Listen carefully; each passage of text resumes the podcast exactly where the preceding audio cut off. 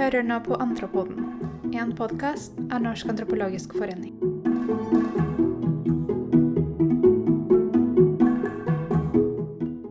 Velkommen til eh, Antropodens eh, tredje episode. I dag er vi så heldige å ha med Tone Danielsen, som eh, har vært sjefsforsker i Forsvarets forskningsinstitutt. Og kommer med denne noe så uvanlig som en akademisk page-turner. Og det er boken 'Making Warriors in a Global Era'. Og det skal være vårt utgangspunkt for denne samtalen, hvor vi skal snakke om krig, innovasjon og endring. Så velkommen, Tone. Takk. Veldig hyggelig å være her. Ja, veldig hyggelig å ha deg her. Det, man ser jo plutselig en kvinne. og dette er jo, vet jeg også du tar opp i boka di, at mange forundrer seg over hvordan du som en eh, kvinnelig akademiker og forsker eh, kom inn til eh, noe av det ingen nesten kommer innpå som forsker, og det er jo makteliten. Og i dette tilfellet spesial, en av spesialstyrkene, eller ja, Marinejegerkommandoen. Eh, kan du fortelle litt eh, Du har hatt et langt liv i Forsvarets forskningsinstitutt. Men hvordan eh, kom du inn på dette feltet? Hvordan kom du inn på feltarbeid? Jeg har jo hatt en, nesten 20 år i forsvarssektoren og jobba Jeg starta å jobbe i eh, skolesektoren på stabsskolen og jobba i Forsvarsdepartementet. Og så gikk jeg videre og jobba på Forsvarets forskningsinstitutt. Og så ble jeg invitert. Jeg har jo gjort veldig mange feltarbeid underveis. Og spesialstyrkene og Marinekommandoen skulle omorganiseres. Jeg ble invitert inn i forkant for at eh, de skulle få et litt uh, annet syn på sine egne praksiser. Fordi de skulle endres. Og det er jo veldig modig av uh, en sjef at han midt i en endringsprosess inviterer en utenforstående inn for å se på hva de holder på med. Og der var du jo i nesten to år. Og fulgte de tykt og tynt i både med både fysisk og psykisk med på den reisen. Kan du fortelle litt om eh, hvordan du opplevde det? I utgangspunktet så skal jeg være der i seks måneder, men vi vet jo at man trenger minst et år eh, for å få med hele syklusen eh, av året på feltarbeid. Og så er det bra i forsvarssektoren at man har rom for å være med på, øvelser. Så jeg var der i 18 måneder heltid. Men jeg har jo jobba med spesialstyrkene gjennom en tiårsperiode nå. Så, eh, og det var eh, Man blir kald, man blir våt, man blir fryktelig sulten. Dette er jo menn som er selektert eh, på at de klarer seg lavt på lavt blodsukker. Det gjør jo ikke jeg. Så jeg hoppa fallskjerm og kjørte ribb. og det var bra. Og så var det en del uh, vanskelige ting som skjedde underveis også. Så det var uh, mange topper på, uh, på, det jeg gjorde. Det er, det er ikke alle som kjenner antropologien så godt, men feltarbeid er jo vår hovedmetode. Du sier at du skulle jo gå inn på et oppdrag for å hjelpe dem til å få en bedre forståelse for hvordan de kunne drive en endringsprosess Eh, kan du fortelle litt eh, Og da du sier at historiefortelling er kanskje en av de viktigste verktøyene inn på å både gjøre feltarbeid og få en forståelse eh, som kan, du kan ta med tilbake til oppdragsgiveren din. Kan du fortelle litt om det? Ja, jeg tenker at vår metode, altså feltarbeid, handler om å få svar på ting vi ikke visste vi lurte på når vi, når vi starter. Eller så kunne vi ha sendt et uh, spørreskjema. Og det var et par ganger når jeg gikk under helvetesuka og bar tungt og var ganske trøtt, at jeg tenkte neste gang så kjører vi en uh, spørreundersøkelse. men, men uh, det har en verdi. Og jeg diskuterte selvfølgelig mye med de underveis. Um, og han som da var sjef, sa at han hadde jo egentlig bare venta at han skulle få en rapport med noen punkter. Fiks de her tingene, så er det i boks. Men veien blir jo til mens man går den. Sånn at uh, jeg kom jo opp med en del svar som de ikke nødvendigvis uh, var så lysten på å høre. En del av de tingene må man ta i, eh, i det lukka rom. Det er ikke alt man kan skrive om. Dette er jo også avdelinger som uh, har en veldig høy grad av sikkerhet rundt seg. Så man kan jo faktisk ikke skrive om alt. Det er jo fortsatt tjenestegjørende eh, personell. Men det er Det tar tid. Det tar tid å bygge tillit og respekt og relasjoner til um, de som jobber ved avdelinga. Sånn er det jo alltid når man kommer inn som en utenforstående. Og spesielt som voksen kvinne i et miljø med bare mannlige operatører. Og denne metoden så du også de eh, soldatene selv brukte for å bygge en egen eh, kultur, for å være med å skape en mening og forståelse rundt hvem de var? Ja, man bygger jo kultur på flere måter. Det ene, ene er jo historiefortellingen. Mm. Altså alle kulturer forteller historier om helter og antihelter, som er dypt meningsbærende. Altså, jeg drakk sinnssykt mye kaffe og hørte på historien mens jeg var i feltarbeid. Ja, og en skvett vin i ny og ne også, skal sies, for å være helt ærlig. Eh, vi har jo, som Mary Douglas sier, 'constructive drinking'. Det er um, tilpassa drikking når vi er på feltarbeid. Um, og så har man praksisene. De, all den kunnskapen som overføres eh, mellom kropper. Altså veldig mye av de praksisene man har i Forsvaret, handler jo om å hoppe fallskjerm eller å skyte eller å løpe. Og det er jo kunnskap som de får gjennom kroppslige instruksjoner. Så det er derfor vi må være med å både se hva folk sier, og hva de gjør, og hva de sier de gjør. Vi må mm. ha med hele spekteret for å forstå hvordan de bygger eh, sin kultur og verdier. For det ligger både i praksisene og det muntlige. Går det an å spørre sånn, eh, sånn eh, hva kjennetegner deres eh, kultur? Eller kanskje enda mer, hva er det som kjennetegner eh, ledelsen i eh, MJK? Um, det er jo mange ting. Altså, spesialstyrkene er jo ukonvensjonelle styrker. Dvs. Si at når man har nasjonale oppdrag som man ikke helt vet hvordan man skal løse, mm. Så bruker man mm. spesialstyrker. Også når man har oppdrag med veldig høy risiko. Så det er jo eh, personell som er selektert. Og da jeg var med, så brukte de jo et helt år på den grunnleggende seleksjonen og et år til å trente de før de ble sendt ut på oppdrag. Og gjennom den seleksjonen så ser de om ja, motivasjon, om de har det som trengs, som jo er um, at de er veldig, veldig gode teamworkers Eh, det er ikke plass for noe konge på haugen, for de skal jo alltid jobbe veldig tett i små team. Eh, de må evne å bygge tillit, de må bygge respekt, og det gjør de gjennom sine daglige praksiser. For de skal jo faktisk gå ut i krigen sammen, så de må ha tillit eh, til hverandre og stole på at de andre gjør det de skal.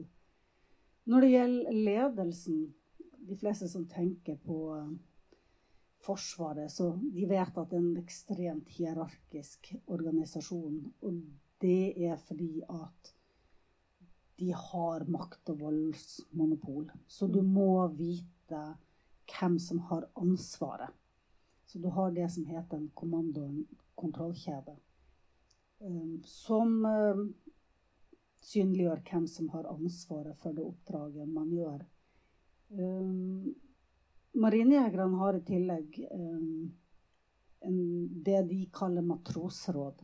Dvs. Si at de kommer sammen og diskuterer ting og tar egalitære, kollektive beslutninger. Um, og det er i hverdagen. Når de er på oppdrag, så har de, da er det hierarkiet som gjelder.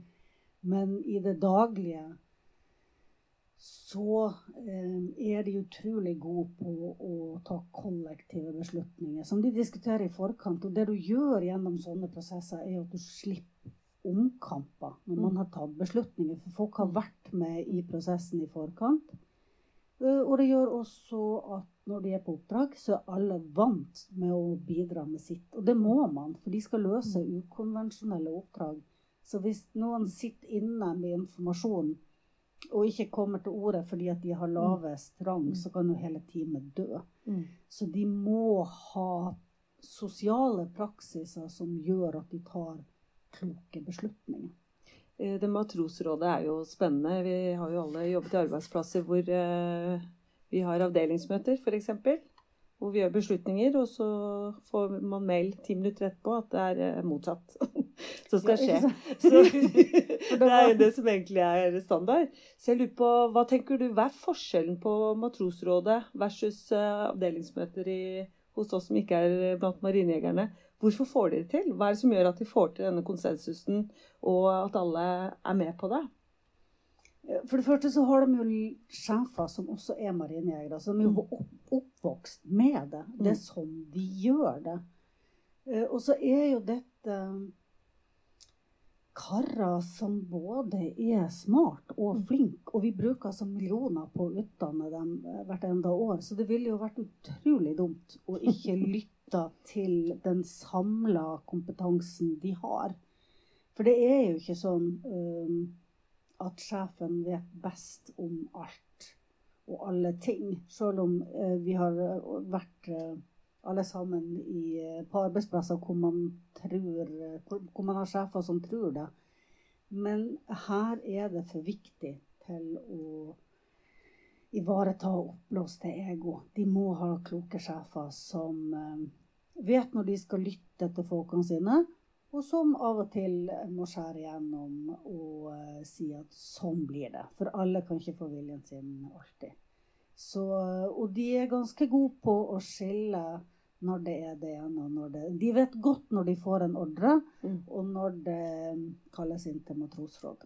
Mm. Så det er ikke alltid de bruker den ene eller den andre måten.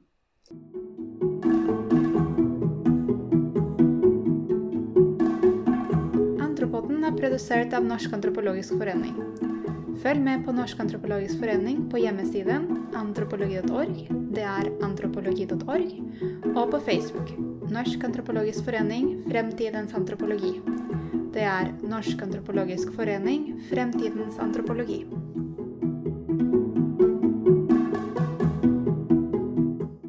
Det som er spennende tenker jeg, med å høre på, på dine analyser og forskning av eh, Marinejegerkommandoen, er jo at det er jo både et eh, ekstremt hierarkisk eh, ledelse rundt deg. Eh, Det må det jo være, som du nettopp beskrev. Samtidig som eh, oppdraget deres er å utøve innovasjon. Som du sier, de skal løse oppdrag eh, for eh, vårt land som man ikke helt vet hvordan man skal gjøre det. Eh, og for å drive med innovasjon, vi som jobber med det, vet jo at det handler om to ting. Det er eh, utprøving og derav feiling og læring av dette. Eh, og, for oss utenforstående så virker jo dette litt contradiction in terms. At Forsvaret skal redde oss ved å feile. Kan du fortelle litt om dette? Ja, altså da er det jo viktig å si at um, de tester og øver og feiler ikke under oppdrag, fortrinnsvis. Det gjør de hjemme. Um, de bruker jo store deler av året på å øve og trene. Um, så det er det ene. Når de er på oppdrag, så, så skal ting fungere. Ellers så um, går det jo riktig, riktig galt. Um, og så tenker jeg at um, de må ha et rom for å skape innovasjon. Altså, de blir jo selektert fordi de er ukonvensjonelle. Um, de er det både av utdanning og legning. Um, de har det som kalles en initiativtest, f.eks. Som de allerede har under seleksjon. Hvor de får et oppdrag som de bare skal løse. Som ikke handler om noe militær art i hele tatt. De skal bare løse det helt ukonvensjonelt. Um, og de vet at de får veldig godt ofte oppdrag som de ikke har uh, svaret på. De har noen høyre- og venstrejusteringer. Um, og da sier de bare OK, gutta, initiativtest. Og da må de bare komme opp med noen gode ideer. Og alle nye ideer er ikke gode. Det vet vi. Men det må faktisk noen nye ideer til for å få til innovasjon. Det andre er at de har stor tillit hos uh, sjefene. Uh, sjefene har sjøl vært operatører. Um, og sjefene har tillit til at uh, folk står på litt ekstra. Livet avhenger av det. Um, og de jobber ofte sammen i team for å få det til. Både når det gjelder nye prosedyrer, men også nye ting. Så de eh, har ofte med seg ting hjem som de sitter og modifiserer litt på for å få til å funke litt bedre. Eh, og så har de også ting som de lager helt fra scratch. Og det her er noe som vi ser helt fra starten av. Jeg var jo så heldig å få intervjue den siste gjenlevende uh, marinejegeren fra første kullet i 1954. Og han fortalte jo veldig beskrivende om uh, hvordan de utvikla det første dykkerutstyret. De hadde med seg litt greier hjem fra USA, men de hadde ingen dykkermodeller som funka for arktiske forhold, f.eks. For Eh, de hadde dykkerdrakter som laks, som sile, og som helt umulig å svømme i. Og så måtte de fram med litt gaffateip og teipe igjen, eller eh, De sveisa på dybdemålere. Og, og, de måtte også teste ut praksisene, fordi at på den tida, på 50-tallet, så kunne man jo veldig lite om dykking. Så de drev og øvde seg i bassenger og hyperventilerte helt til de eh, besvimte av. Sånn at de skulle vite rent kroppslig hvordan føles det. Sånn at de skulle kunne kjenne det igjen og regulere på dykkerflasken eh, underveis. Så det her er den gamle tradisjonen med at vi skal hele tida bli bedre. Både forbedre teknologien vår, men også prosedyrene. Og det er den, det mindsettet som man eh, viderefører til, til neste generasjon. Ja, og da er det jo viktig det du sier, det at eh, man faktisk får et rom til å utprøve og feile. Og samtidig, hvis vi tenker innovasjonsledelse i det, så handler det vel også om å tørre å delegere beslutninger nedover. Ja, absolutt. Um, de fleste som har holdt på med innovasjon, vet jo at um, ja, tillit er bra, kontroll er bedre. Hilsen Lenin. Um, og selv om folk sier at de vil ha innovasjon, så vil de jo egentlig ikke Altså, disruptiv teknologi, disrupsjon, er jo egentlig forstyrrelse. Det er jo ingen som vil ha forstyrrelser. Um, men det er jo helt nødvendig for å komme på nye banebrytende ideer.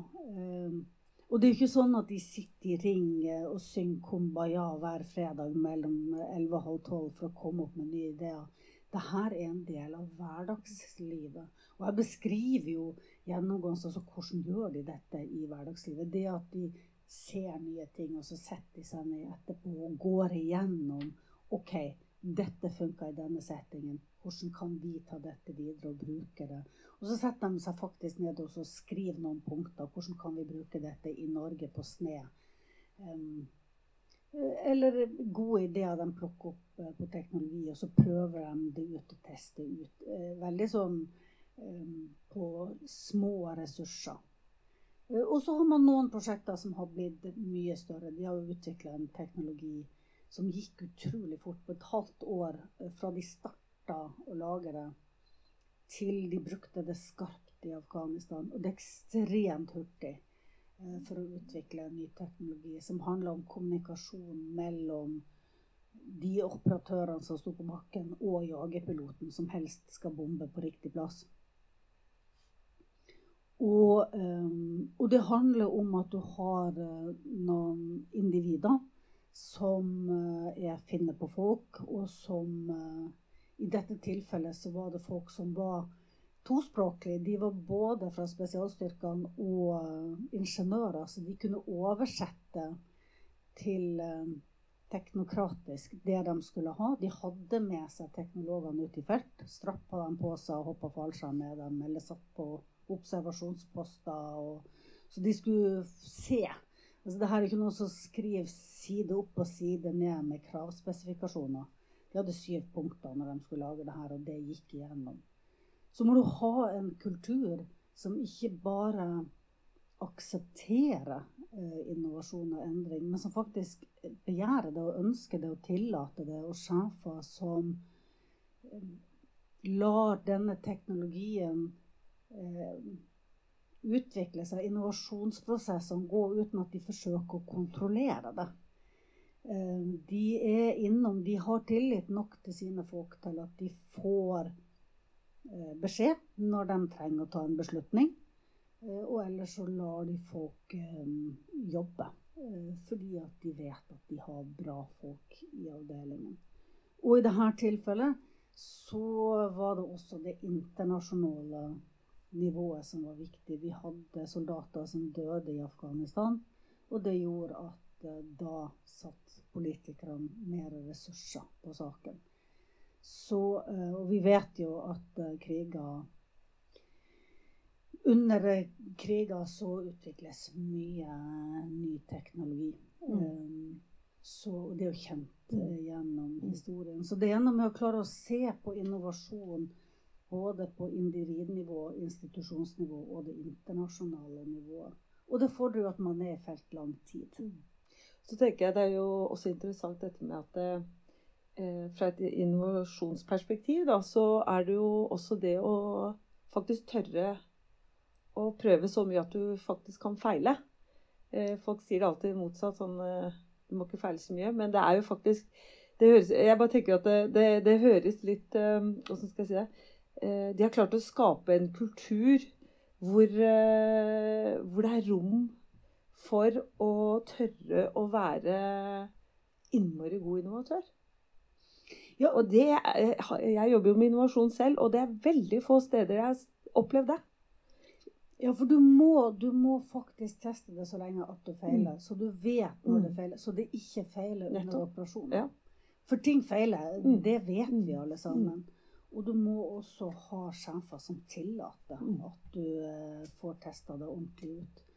Um, sånn at det at um, um, Og det er derfor jeg mener at man må se på innovasjon ikke bare på et individnivå, men også det institusjonelle. Mm. Hvordan er organisasjonen rigga mm. uh, for å stille kritiske spørsmål, til å mm. teste ut ting. Og at man av og til sier at nei, det der blir det ikke noe mm. mer av. Det der må vi slutte med. Men det her er jo den spisse enden i uh, Forsvarsmakta. Uh, og det er de som har uh, rollen som innovatører og får det testa ut. Og mange av disse, både teknologien, men også prosedyrene, blir jo senere rulla ut og brukes av konvensjonelle styrker. Mm. Mm. Dette her er jo eh, utrolig overførbart til eh, alle ting. Altså, jeg jobber jo mye med humanitær innovasjon, innovasjon i bistand f.eks., hvor man sier at eh, for at vi skal klare å nå bærekraftsmålene, få, bort fattigdom, så må vi radikalt endre på alt prosedyrene våre og teknologien vi bruker i det. Eh, og så har du jo på kommunesektoren, som også må innovere og skape bedre eldretjenester. Altså man kan putte på alle samfunnsproblemene. Så må vi egentlig gjøre de samme tingene for å bli bedre og kunne skape bedre løsninger for, eh, for et bedre samfunn. Eh, hva tenker du er det mest Eller på en måte Hva er det mest overførbare? Det er mange ting, men hva tenker du er viktig å ta med deg? Nå er du jo førsteamanuensis på Høgskolen i Kristiania. Og jobber jo med forskning på ledelse der også.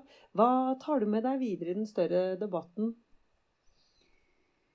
Ja, jeg tenker at det er veldig mye av det her som er direkte overførbart. Det her er jo Altså, norske forsvaret, det er jo ikke en eller annen krigerstamme i langt vekkestan.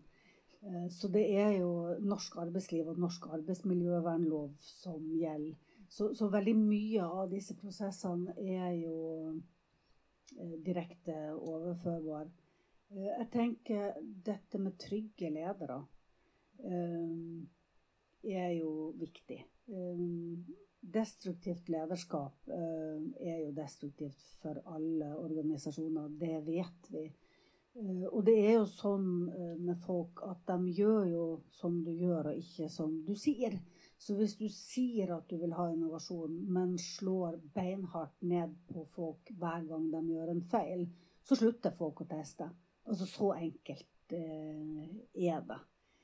Um, og du må eh, gi eh, folk tillit. Eh, altså, man ansetter jo Steve Jobs sier det jo bra.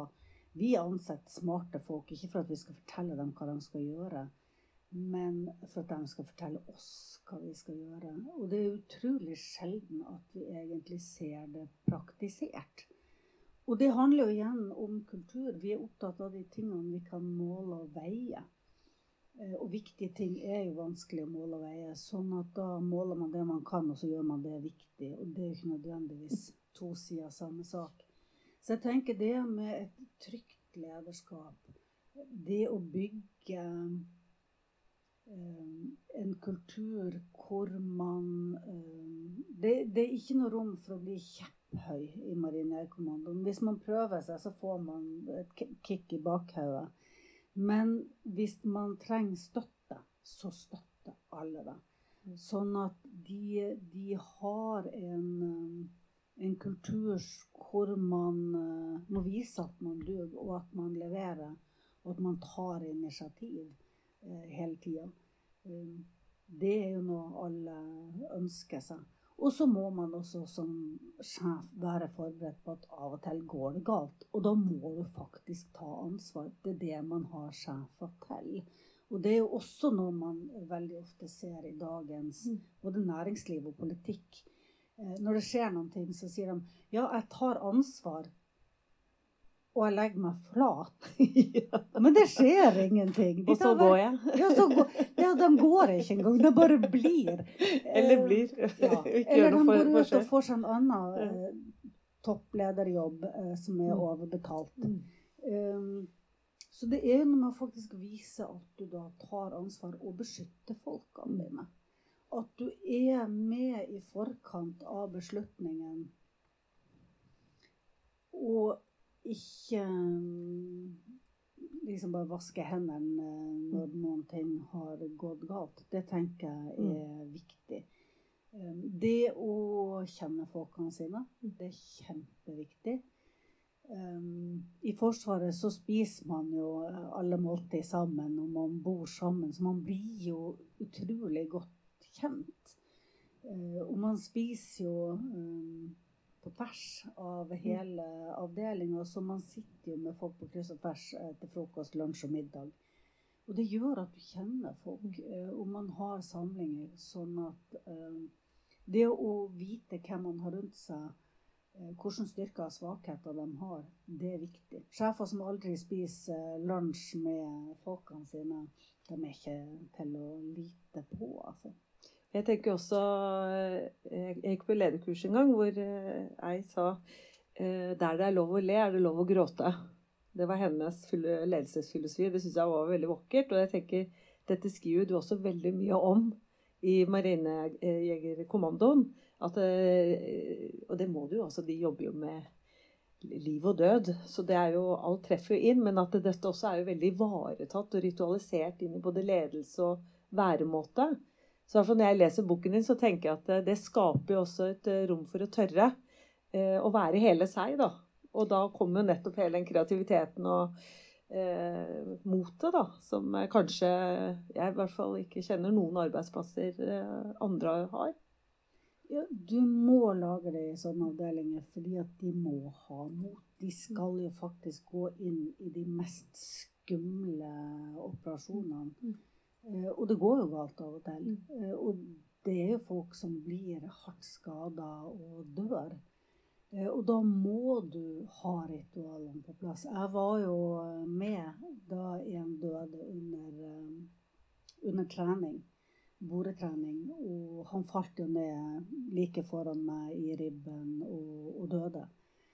Um, så jeg var jo med på hele prosessen etterpå. Uh, og misforstå meg rett, men jeg var veldig glad for at det var i den avdelinga. For jeg ble veldig godt ivaretatt i den prosessen. De er utrolig gode på å ivareta hverandre. Altså, det er i sorg du trenger omsorg, og det kan uh, disse guttene. Um, og når jobben din er å operere helt på grensen av det som både er teknologisk og, og fysiologisk mulig, så jobber man jo for at man skal ha marginene på sine sider. Men det går jo galt. Det er jo krig. Vi snakker om folk dør i krig. Um, og da må man uh, bygge så tette bånd at de holder også i strid, sånn at de har mot til å løse oppdrag. Det er åpenbart at vi har mye å lære av, uh, disse, uh, av disse, styrkene. Uh, og den ja, hva skal man kalle helhetlige tilnærming til livet og mennesket i det arbeidet man utfører. bare sånn på slutten, da, så tenker jeg Vi er jo antropologer. Og vi liker jo å dra liksom ting litt i den store verden. Og jeg tenker disruptiv teknologi, teknologi er det jo ikke bare Forsvaret som driver med. Eh, du, eh, I disputasen din så skrev du en liten eh, sammenligning av en kjent klassisk tekst om dette. Kan du fortelle litt om det? Ja. Um, alle antropologer kan jo historien om jirjorantan, altså australske aboriginals, som fikk innført ståløkse av um, misjonærene de hadde da tradisjonelt steinøkse. Og Sharp, som skrev om dette på 30-tallet, var jo veldig fortvila, for han tenkte jo at dette er med på å ødelegge kulturen deres. Nå har misjonærene ødelagt kulturen, som har gitt kvinnfolk og unger steinøkser. I dag eh, så skjer jo det samme, men vi kaller det jo for disruptiv teknologi. Eh, den er mer tilgjengelig, den er billigere og ofte litt bedre. Og det var egentlig forskjellen på steinøkse og ståløkse. Um, og sånn er det jo um, med mobilteknologi og laptoper. Og det er jo egentlig bare historier på nytt igjen med Jirorantene, men nå får vi litt annen teknologi. Og sånn er det jo også med spesialstyrkene. De um, får jo disruptiv teknologi med droner og med andre ting som er billigere, og mm. som gjør noen ting med maktstrukturer, mm. som gjør noe med informasjonsflyt, og som endrer de sosiale praksisene. Så teknologi Antropologer har jo alltid vært opptatt av ting, og hvordan vi bruker ting i, i samfunnet. Teknologene tror jo at hvis man innfører en teknologi, så kommer ting til å endre seg. Og det gjør det jo ikke. Man innfører jo masse teknologi i mm. Forsvaret som er en digitalisering av steintavler. Mm. Som, som egentlig bare fryser fast mm. eh, praksiser som egentlig ikke er eh, nyttig i hele tatt. Eh, mens disruptiv teknologi gjør jo at man, man, må jo også endre praksisene. For å få til endring så kan du ikke bare innføre en ny teknologi eller innføre en ny strategi. Man må også endre kulturen. Og med det mener vi måten at, altså mindset og skillset, måten vi tenker på og de praksisene vi har. Eller så får vi ikke til noe endring. Det blir bare på overflata. Og så går vi tilbake igjen så gjør vi akkurat sånn som vi gjorde før. Fordi det, det er litt skummelt um, med, med, endring. Men, men, verden endrer seg, og så må vi jo ha en fot i baken og finne ut når er det nyttig å endre? uh, og når funker det helt fint med det vi har? Men uten at vi er bevisst hva som er hva, så er det jo også vanskelig å ta mm, noen bevisste valg. Og det skriver jo eh, Geir Thomas Helland Eriksen mm. Eh, mye om i overheating. Og mm. det er jo mye av det man jobber med i dag. Mm. Og den det perspektivet skal vi snakke mer om i Antropoden senere. Så takk, Tone Danielsen, for en veldig interessant og hyggelig prat. Og tusen takk, Elisabeth Fossli Osen, for at jeg fikk komme. Bare hyggelig.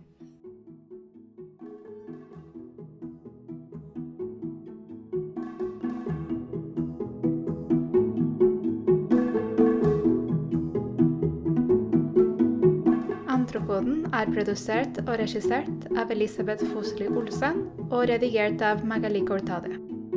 Sangen vi tar i bruk, er 'Wholesome' av Kevin MacLeod, som vi har lastet ned fra Incompetech.